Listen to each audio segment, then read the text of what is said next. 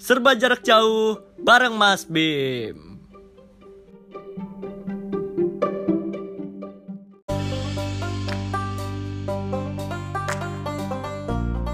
Oke. Lu apa siap, kabar? Siap. Siapa nih? Bimo, Bimo. Baik, baik, tapi masih stuck di Padang nih, Fit. Lu gimana, Fit? Iya. Alhamdulillah baik. Ketua gimana? Ketua BPM gimana?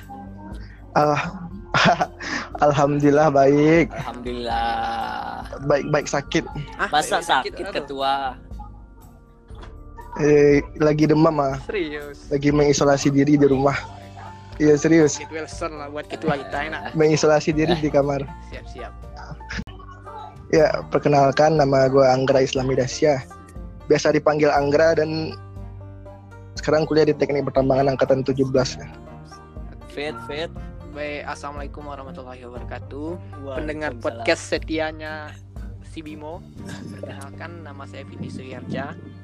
Asal saya dari Provinsi Jambi. Kebetulan kuliah di Universitas Negeri Padang, jurusan Teknik Sipil tahun masuk 2017. Sekian. Iya, siap. Dan menjabat dan menjabat sebagai wakil ketua Provinsi Jambi ya. Ketua kita. Iya. Dan dan ingin panjat sosial terus hobinya. Iya, iya, Iya, tapi Iya, serius.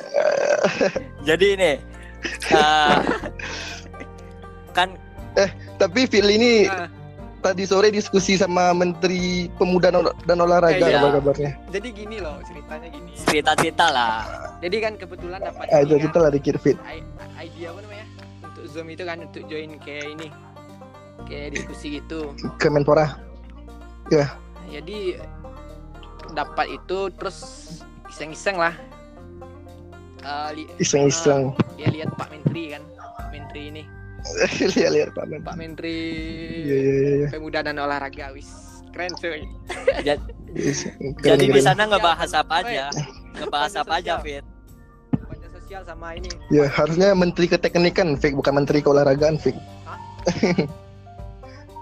Jadi di Oh, Harusnya Menteri Keteknikan. Menteri ini ketua Menteri Eh. PUPR Iya Me- Menteri PUPR ya. ya. Yang melintang ke luar negeri mau. Iya, iya. Jadi jadi jadi Pak Menteri ngomongin apa aja, Fit? Cuman ini, cuman pembukaan ini aja. Itu kayak kayak apa ya? Kayak diskusi-diskusi online Ramadan gitu, isi-isi Ramadan. Cuman kayaknya terbuka untuk umum gitu. Ngisi tausiah. Oh, Terbuka gitu. untuk umum. Kayak kayak inilah seminar-seminar yang pematerinya luar biasa juga lah. Tanggal 9 kalau mau gabung Alhamdulillah. tanggal 9 9 ini 9 Mei masih ada juga pematerinya ini Eh, Bapak kalau tidak salah Bapak apa ya Bapak rektor rektor UNES atau apa lupa pokoknya itulah Ya, bagi-bagi lah link di grup. aman Fit. aman. Ya, Iya. ya, Grup kita masih ada Fit. ya, yang ketuanya juga Anggra, Fit. iya Ya. Ketua ini abadi Gak ada ketua-ketua lagi. Jadi nih, jadi ini kan abadi Bim. Ah. Tidak ada yang abadi Fit. Jadi mau membahas nih tentang kebijakan kampus UNP. Menurut pandangan dari Bapak Anggra gimana ya mengenai pembelajaran daring nih? Jadi kalau menurut gue sih kebijakan dari UNP itu udah bagus tentang perkuliahan daring. Cuman dari dosennya mungkin ya, karena didengar-dengar kabar-kabar juga dosen memberatkan mahasiswa dengan memberi tugas yang sangat banyak.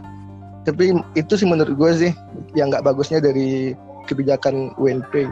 Jadi Tapi kemarin kita juga sempat membantu dari pihak kampus dan pi- dan pihak fakultas untuk membagikan sembako sih.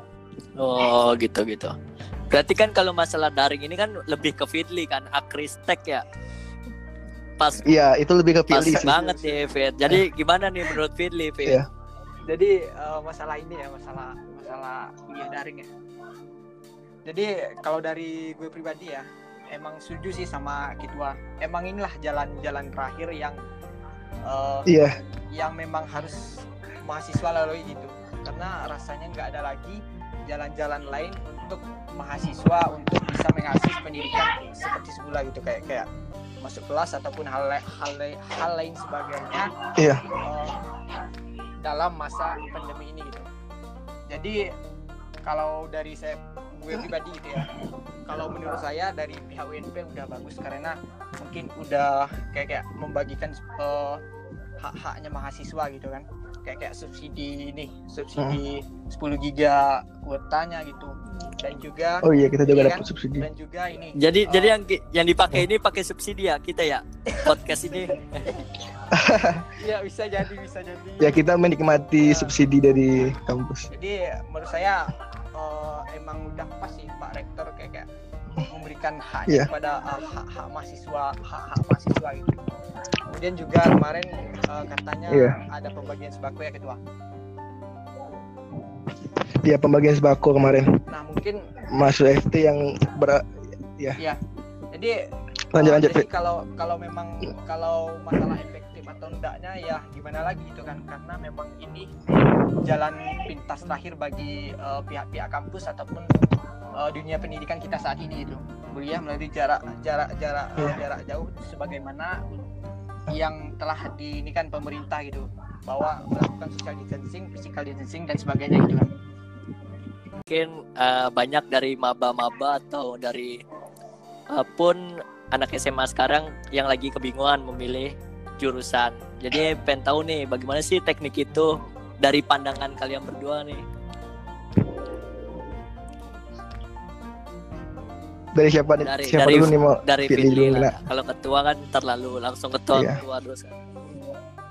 Eh, jadi apa tadi? Kampret lu. Bagaimana sih teknik itu?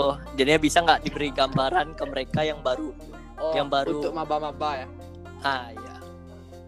Ya mungkin eh, dari adik-adik eh, maba 2020 mungkin udah udah ada juga ya kayak kayak lihat list-list jurusan yang em, akan mereka pilih gitu. Mungkin eh, se- sedikit banyaknya mungkin adik-adik maba 2020 sudah mengetahui bagaimana sih kehidupan-kehidupan menjadi mahasiswa teknik itu.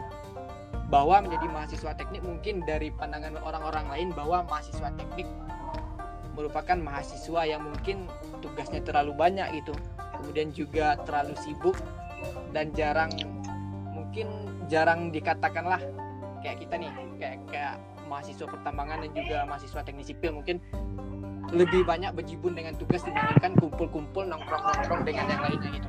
Jadi perlu juga adik-adik mungkin adik-adik maba 2020 mengetahui bahwa mahasiswa, mahasiswa teknik kalau ditanya masalah solidaritasnya mungkin nggak ada eh, apa ya nggak ada yang bisa ngalahin lah gitu sama-sama tahu lah bagaimana sih mahasiswa-mahasiswa teknik eh, dalam melakukan berbagai berbagai hal dengan kolaborasi kolaborasi dari berbagai berbagai jurusan gitu.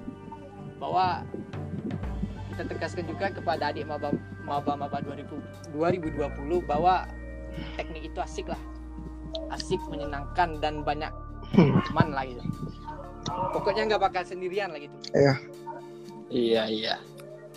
Kalau dari Pak Ketua, Ya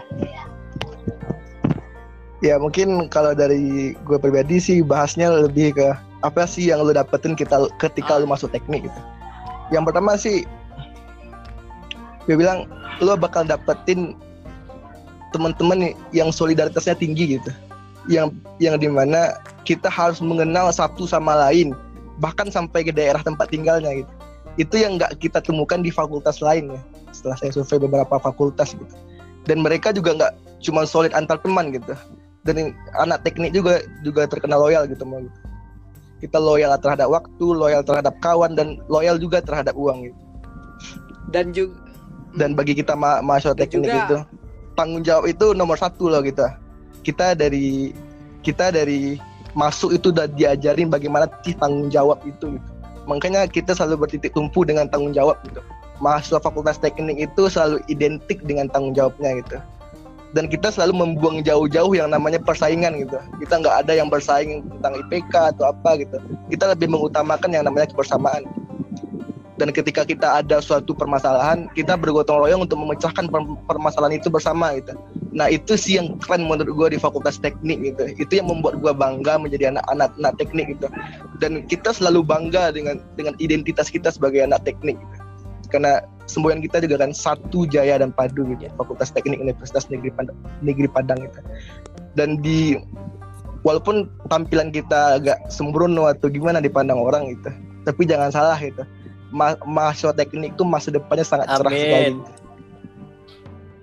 Ya mungkin itu sih Nambah dari gua sedikit. mau. Nah. gue mungkin Iya, ya, betul sih kata ketua untuk Oh. masalah mungkin masalah pros- prospek kerja kita sangat sangat luas gitu ya ketua jadi nggak nggak Sangat Iya. sangat luas dan sangat sangat cerah. nggak nggak nggak apa ya nggak nggak ini nggak nggak salah pilih lah adik-adik maba 2020 untuk masuk ke Iya. jurusan teknik baik itu Iya. jurusan teknik sipil pertambangan ataupun jurusan-jurusan lainnya dan selama selama gue masuk teknik Iya. mungkin kebanyakan berjibun juga dengan tugas kemudian eh, mungkin sebagian lah sedikit meluangkan waktu untuk ikut organisasi nah di mana di sana kita bisa belajar iya Sedikit ya. sedikit lah, sedikit lah mungkin Sedikit Ah. sedikit aja udah jadi wak- ah, udah tinggi bangkatnya. mungkin bagaimana juga kita bisa untuk belajar bagaimana sih manajemen waktu antara membagi kuliah kemudian tugas dan organisasi gitu Benar-benar. pokoknya nggak nggak Iya. nggak salah Itu sangat penting sekali. dari maba 2020 ke jurusan ke fakultas teknik jurusan-jurusan apa pun itu Oke oke. Ya dan juga pengkaderan kita juga sangat keren ya di fakultas Masing-masing masing-masing fakultas eh masing-masing jurusan itu pengkaderannya beda-beda kan. Ya itu tapi tetap dengan satu Ah. output gitu, sa- satu output itu kebersamaan. Iya iya. Oh iya. eh, kan kalian ini kan eh, aktivis-aktivis kampus nih. lah kedua itu yang tipis ah Iya. Ah, ja- kampus. ja- jangan merendah untuk meroket serius. lah.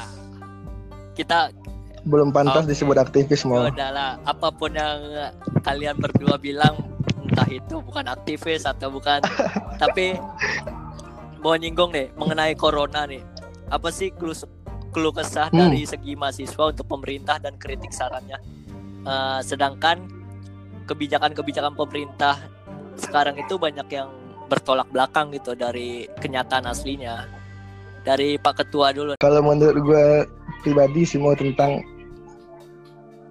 tentang kebijakan-kebijakan dari pemerintah ya. Menurut gue pemerintah sudah memberi kebijakan yang positif ya terkait pandemi ini. Bentar ya. iya Halo? lanjut lanjut Nah, jadi seperti seperti melakukan PSBB atau pembagian sembako gitu atau mereka sangat berhati-hati dalam mengambil kebijakan gitu. Halo? Itu yang gue patut acungi jempol kepada pemerintah dan pemerintah juga menyalurkan bantuan gitu. Dan pemerintah juga memberikan subsidi listrik gratis itu kan juga sebuah hal yang positif gitu. Tapi kalau yang negatifnya menurut gue penanganan ini terbilang lamban gitu dari pemerintah pusat ke pemerintah ke pemerintah daerah ke kabupaten ke RW, LT RW itu juga sangat lamban gitu. Dan juga ko- koordinasi mereka juga buruk gitu. Kita lihat saja di Sumatera Barat gitu. Kemarin kan dijanjikan 600.000 ribu per kakak kepada 1,2 juta kakak dari 1,6 juta kakak yang ada di, di Sumatera Barat gitu. Tapi sampai sekarang itu terkendala di pendataannya gitu. Kalau nggak salah informasi terakhir yang saya dapat itu pendatanya itu masih ke empat kabupaten dan kota. Sedangkan di Sumatera Barat ada kalau nggak salah 19 kabupaten dan dan kota mau gitu. Jadi mungkin koordinasinya itu lebih ditingkatkan gitu. Karena sampai kapan kita mau menunggu Hmm. bantuan ini tak? Apa kita harus kelaparan dan kelaparan terus baru pemerintah cepat untuk menanggapi ini gitu. Dan terakhir oh, iya. menurut gua minusnya itu masker dan alat pelindung diri ini masih langka gitu karena banyaknya penimbun-penimbun masker yang nggak yang nggak bertanggung jawab yang memperkaya diri pribadi. Itu sih menurut gua. Nah iya, Eh, soalnya kan eh, dengan keadaan kayak gini kan banyak masyarakat yang sengsara kan. Ya itu. Nah dari pandangan Pak Fidli nih, gimana sih? kalau dari pandangan gue jadi semenjak ini ya pemerintah eh, menyatakan wabah virus corona sebagai bencana sosial gitu ya.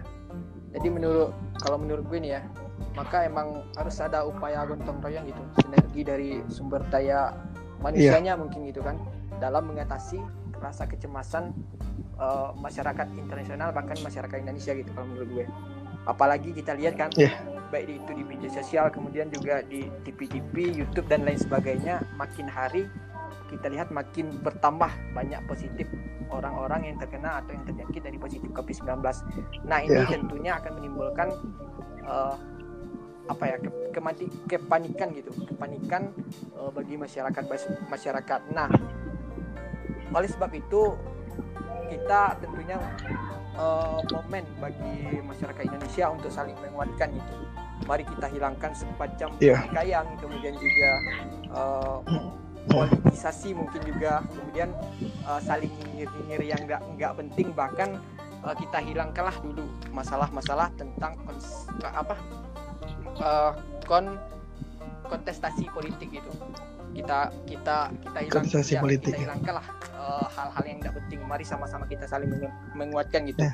karena bagi saya perang melawan virus corona arenanya perjuangan kemanusiaan gitu bukan arena politik apalagi ekonomi gitu jadi salah salah salah benar lah kalau menurut gue ya Eh, orang-orang segelintir segeli- segelintir orang yang eh, apa ya memanfaatkan momen virus corona sebagai arena politiknya dan juga sebagai are- arena apa ar- arena eh, ekonomi atau mencari keuntungannya.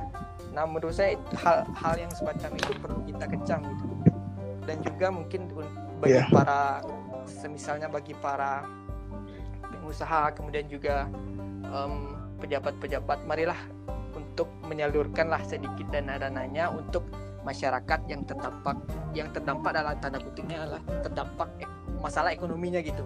Yang nggak bisa jual yang Iya. yang mula-mulanya jualan nggak bisa jualan. Nah mungkin dari dari para para para pengusaha ataupun orang-orang terkaya lah bisa menyumbangkan untuk sedikit demi sedikit eh, apa ya harta hartanya lah gitu untuk masyarakat yang terdampak dan menurut gue gini ya benar benar eh, masalah corona ini sekarang kemarin kita lihat bahwa banyak sekali penolakan semacam apa ya penolakan penolakan jenazah gitu kan penolakan penolakan Nah, iya tuh. itu. jadi menurut gue bahwa eh, apa ya corona sudah dianggap sebagai aib aib bagi masyarakat nah menurut gue juga setelah dianggapnya sebagai masyarakat timbullah masalah-masalah baru dalam masyarakat.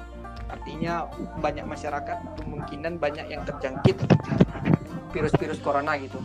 Kemudian enggan untuk mengakui ataupun juga apa ya kayak kayak periksa periksa periksa periksa masalah corona gitu. Padahal sudah memiliki gejala-gejala gejala-gejala gejala apa? Gejala-gejala gitu.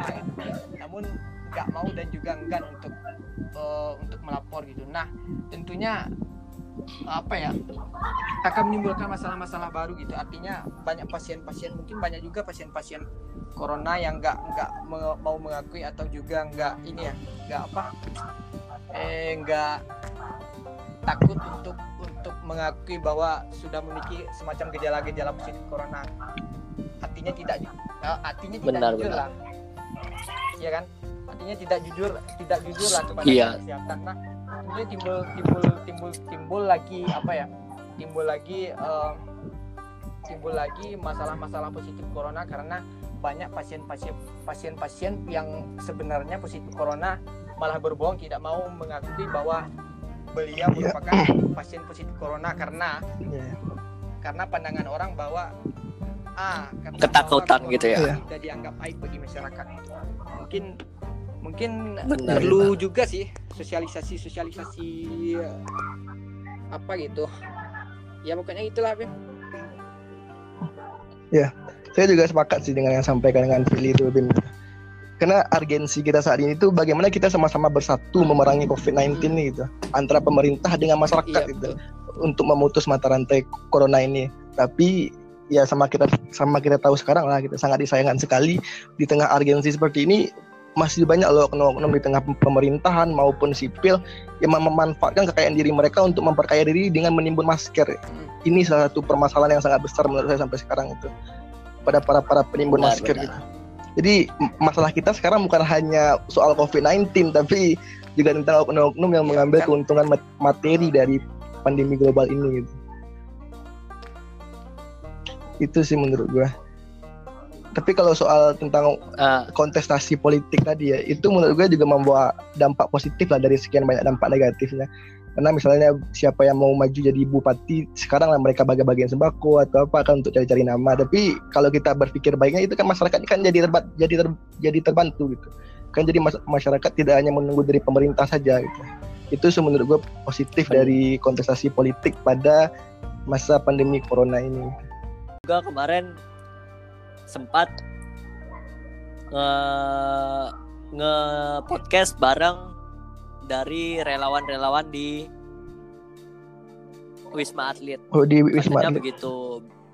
Uh, uh, katanya begitu sangat membutuhkan peranan-peranan masyarakat untuk membantu meredakan COVID-19 ini. Soalnya mereka udah kelelahan juga sih, Gra. Heeh. Itu sih. Nah, eh, dari dari Anggra nih. Hmm. Eh, di sana gimana Anggra keadaannya? di Solok Nah, di Solo. Kabar-kabarnya kan kemarin kota teraman kan ya? iya kalau sampai sekarang sih Solok masih zona hijau kalau nggak salah di di sini masih aman-aman aja dan kita tetap melaksanakan yang namanya Halo, halo. physical distancing atau PSBB Oke.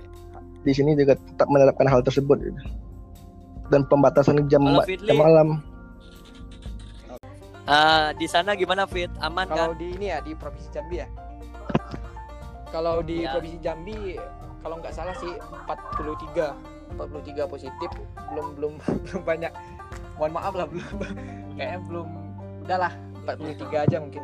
Cuman di daerahku di daerah kabupaten eh, paling banyak sih daerahku yang terjangkit seprovinsi. tapi di Indonesia daerah udah 12 paling ribuan ya karena ini kebanyakan yang terjangkit positif eh, COVID-19 itu eh, orang-orang yang baru pulang dari ini dari tablik akbar di Goa kalau nggak salah Iya kan? Oh iya iya.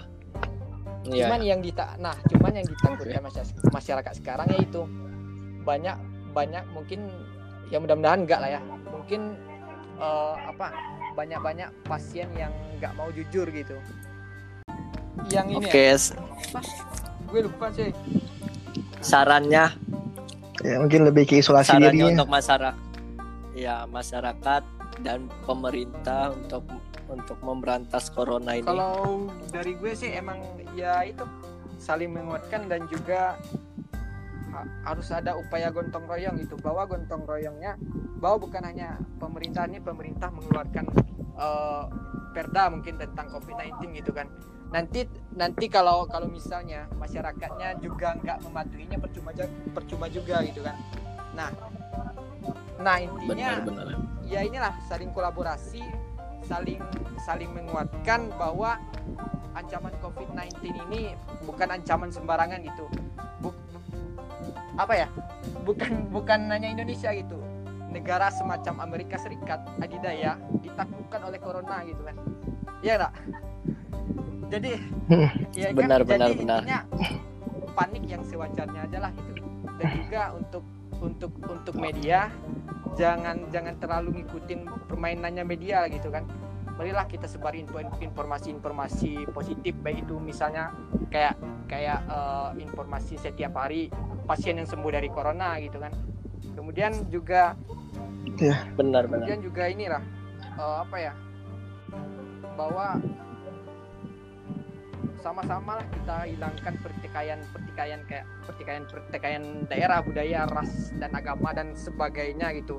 Kemudian menghilangkan poli, politisasi gitu dan, juga saling yang kayak, kayak saling nyinyir gitu nyinyir nyinyir yang nggak penting. Kemudian juga untuk eh, apa ya nyinyir nyinyir yang nggak penting semacam kayak kayak kayak kayak kontestasi politik gitu kan jadi kita hilangkanlah selama COVID-19 untuk saling menguatkan pada masyarakat Indonesia. Dan juga mungkin benar sih garda terdepan dalam melawan COVID ya masyarakat itu sendiri gitu kan. Percuma nantinya kalau pemerintah mengeluarkan eh, apa mengeluarkan perda mungkin mengeluarkan peraturan-peraturan dan juga masyarakatnya masih bandel-bandel kan percuma gitu. Dan juga dan juga nih Bim menurut gue nih Bim ya. Ben- Ah, Iya ya Perang- Fit. melawan virus corona ini yang seperti yang gue sebutkan tadi ya inilah eh, perjuangan kemanusiaan gitu bukan perjuangan ekonomi ataupun politik dan mari kita kecam orang-orang yang memanfaatkan momen COVID-19 ini untuk konsentrasi politik bahkan menimbun-menimbun uang, ekonomi dan sebagainya seperti menimbun APBD dan masker dan lain sebagainya gitu. Mari kita kecam dan untuk kayak kayak untuk pengusaha ayolah gitu kan. Kayak kayak pengusaha-pengusaha tambang gitu kan. Ayolah gitu. Sumbanglah sedikit sedikit kekayaan-kekayaan dan juga harta-harta lah gitu untuk sama-sama kita membantu masyarakat-masyarakat ekonomi kelas bawah gitu yang terkena dampak dari COVID-19. Banyak manusia yang memeluk agama ya, Ya, betul, tapi Ketua. se- sedikit yang memeluk kemanusiaan. Betul sekali ketua. Setuju. Ah, yes. Nah mungkin itu gue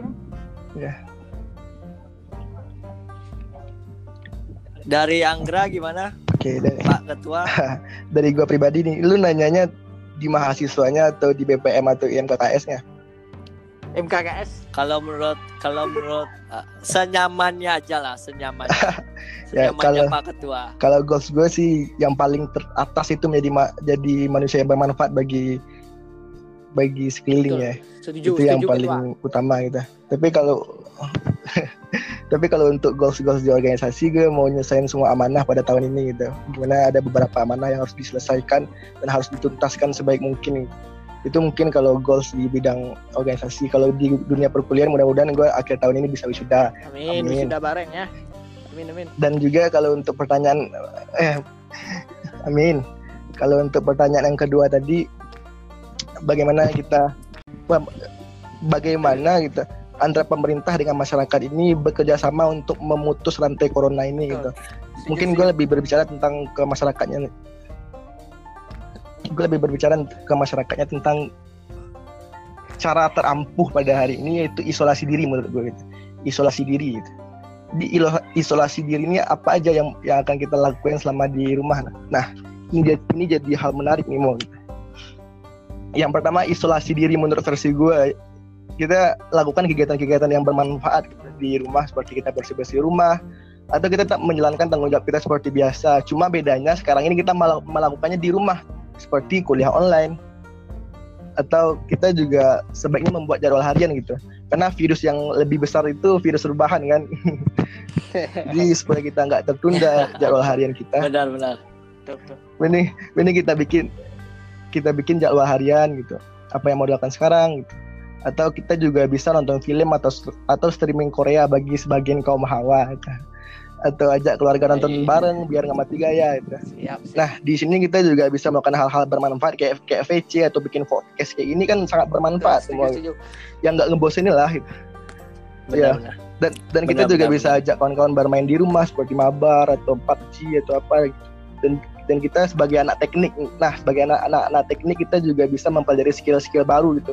Seperti yang tidak kita kuasai di kampus seperti AutoCAD kita bisa belajar di rumah bagaimana sih gitu atau software-software lainnya di yang yang dipakai di dunia perteknikan atau hal-hal lain lah skill-skill yang lain yang diperlukan sebagai seorang mahasiswa untuk di, dunia kerja nanti gitu.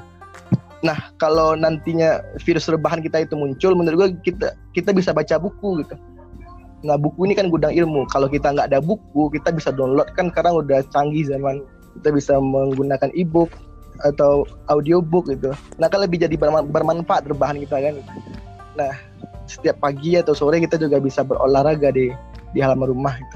Biar kita bisa tetap jaga jaga kesehatan dan semakin kecil untuk terserang dengan virus corona itu dan yang paling terpenting tetap ikuti perkembangan virus corona itu. Karena banyak me- media sekarang yang yang memberitakan hal-hal yang Hmm. tidak benar dan memberitakan hal-hal yang benar. Maka sekarang kita harus validasi setiap berita gitu. Jadi itu sih menur- menurut gua gitu. betul betul Mohon maaf Iya. lahir batin. oh ya Ya gua gua juga Ah, mau iya. kalau ada Siap, siap. salah tadi kan selama ini. Cuman gua ada sedikit, sedikit closing statement nih buat Iya. kita bersama gitu. oke oke closing statementnya dari kalian berdua Eh. nih habis itu gue tutup Oke kalau dari gue sih mau kasih mau kasih quotes ke masyarakat atau apa pun itu ke pendengar gue gue hanya hanya nyampein apa yang gue rasain setelah lihat corona ini gitu. Lihat masyarakat lihat masyarakat masyarakat yang terputus. Jadi kalau menurut gue ada ada sedikit. Jika memang pandemi ini harus terus berjalan bagaimana langkah para pengadu nasib dan terhenti seperti curhatan mereka yang mengeluh atas materi yang mulai terkikis harapan pun tak lupa mereka panjatkan agar hidupnya kembali dengan guyuran keberkahan Amin amin ya robbal alamin. siap gitu setuju amin Itu sih. Siap. Dari Fidli ada closing statement. kalau dari gue mari kita jadikan Iya. musibah meluasnya pandemi virus corona ini sebagai momentum untuk memperkuat solidaritas sosial sesama anak bangsa, sesama anak anak negeri untuk negeri kita tercinta Indonesia. Untuk dunia juga. Mungkin itulah dari gue. Oke, terima kasih banyak nih. Gue gua cukup bangga sih kawan-kawan gua Ah. udah pada terbang tinggi. Semoga semoga di akhir corona ini kita ngumpul ya Iya iya ya amin. seperti biasa. Amin amin amin. Oke oke oke. Terima kasih terima kasih banyak. Jadinya eh, nanti ini gua share di Spotify. Ya lu bisa ngedengerin sebelum gua Hmm. sebarin siap. nanti gua kasih link ya. Oke. Oke oke. Makasih nih untuk Fidli, Anggra sukses terus di dalam karirnya. Amin amin. Amin. Semoga wisuda Amin. Amin. Amin. Amin. Oke.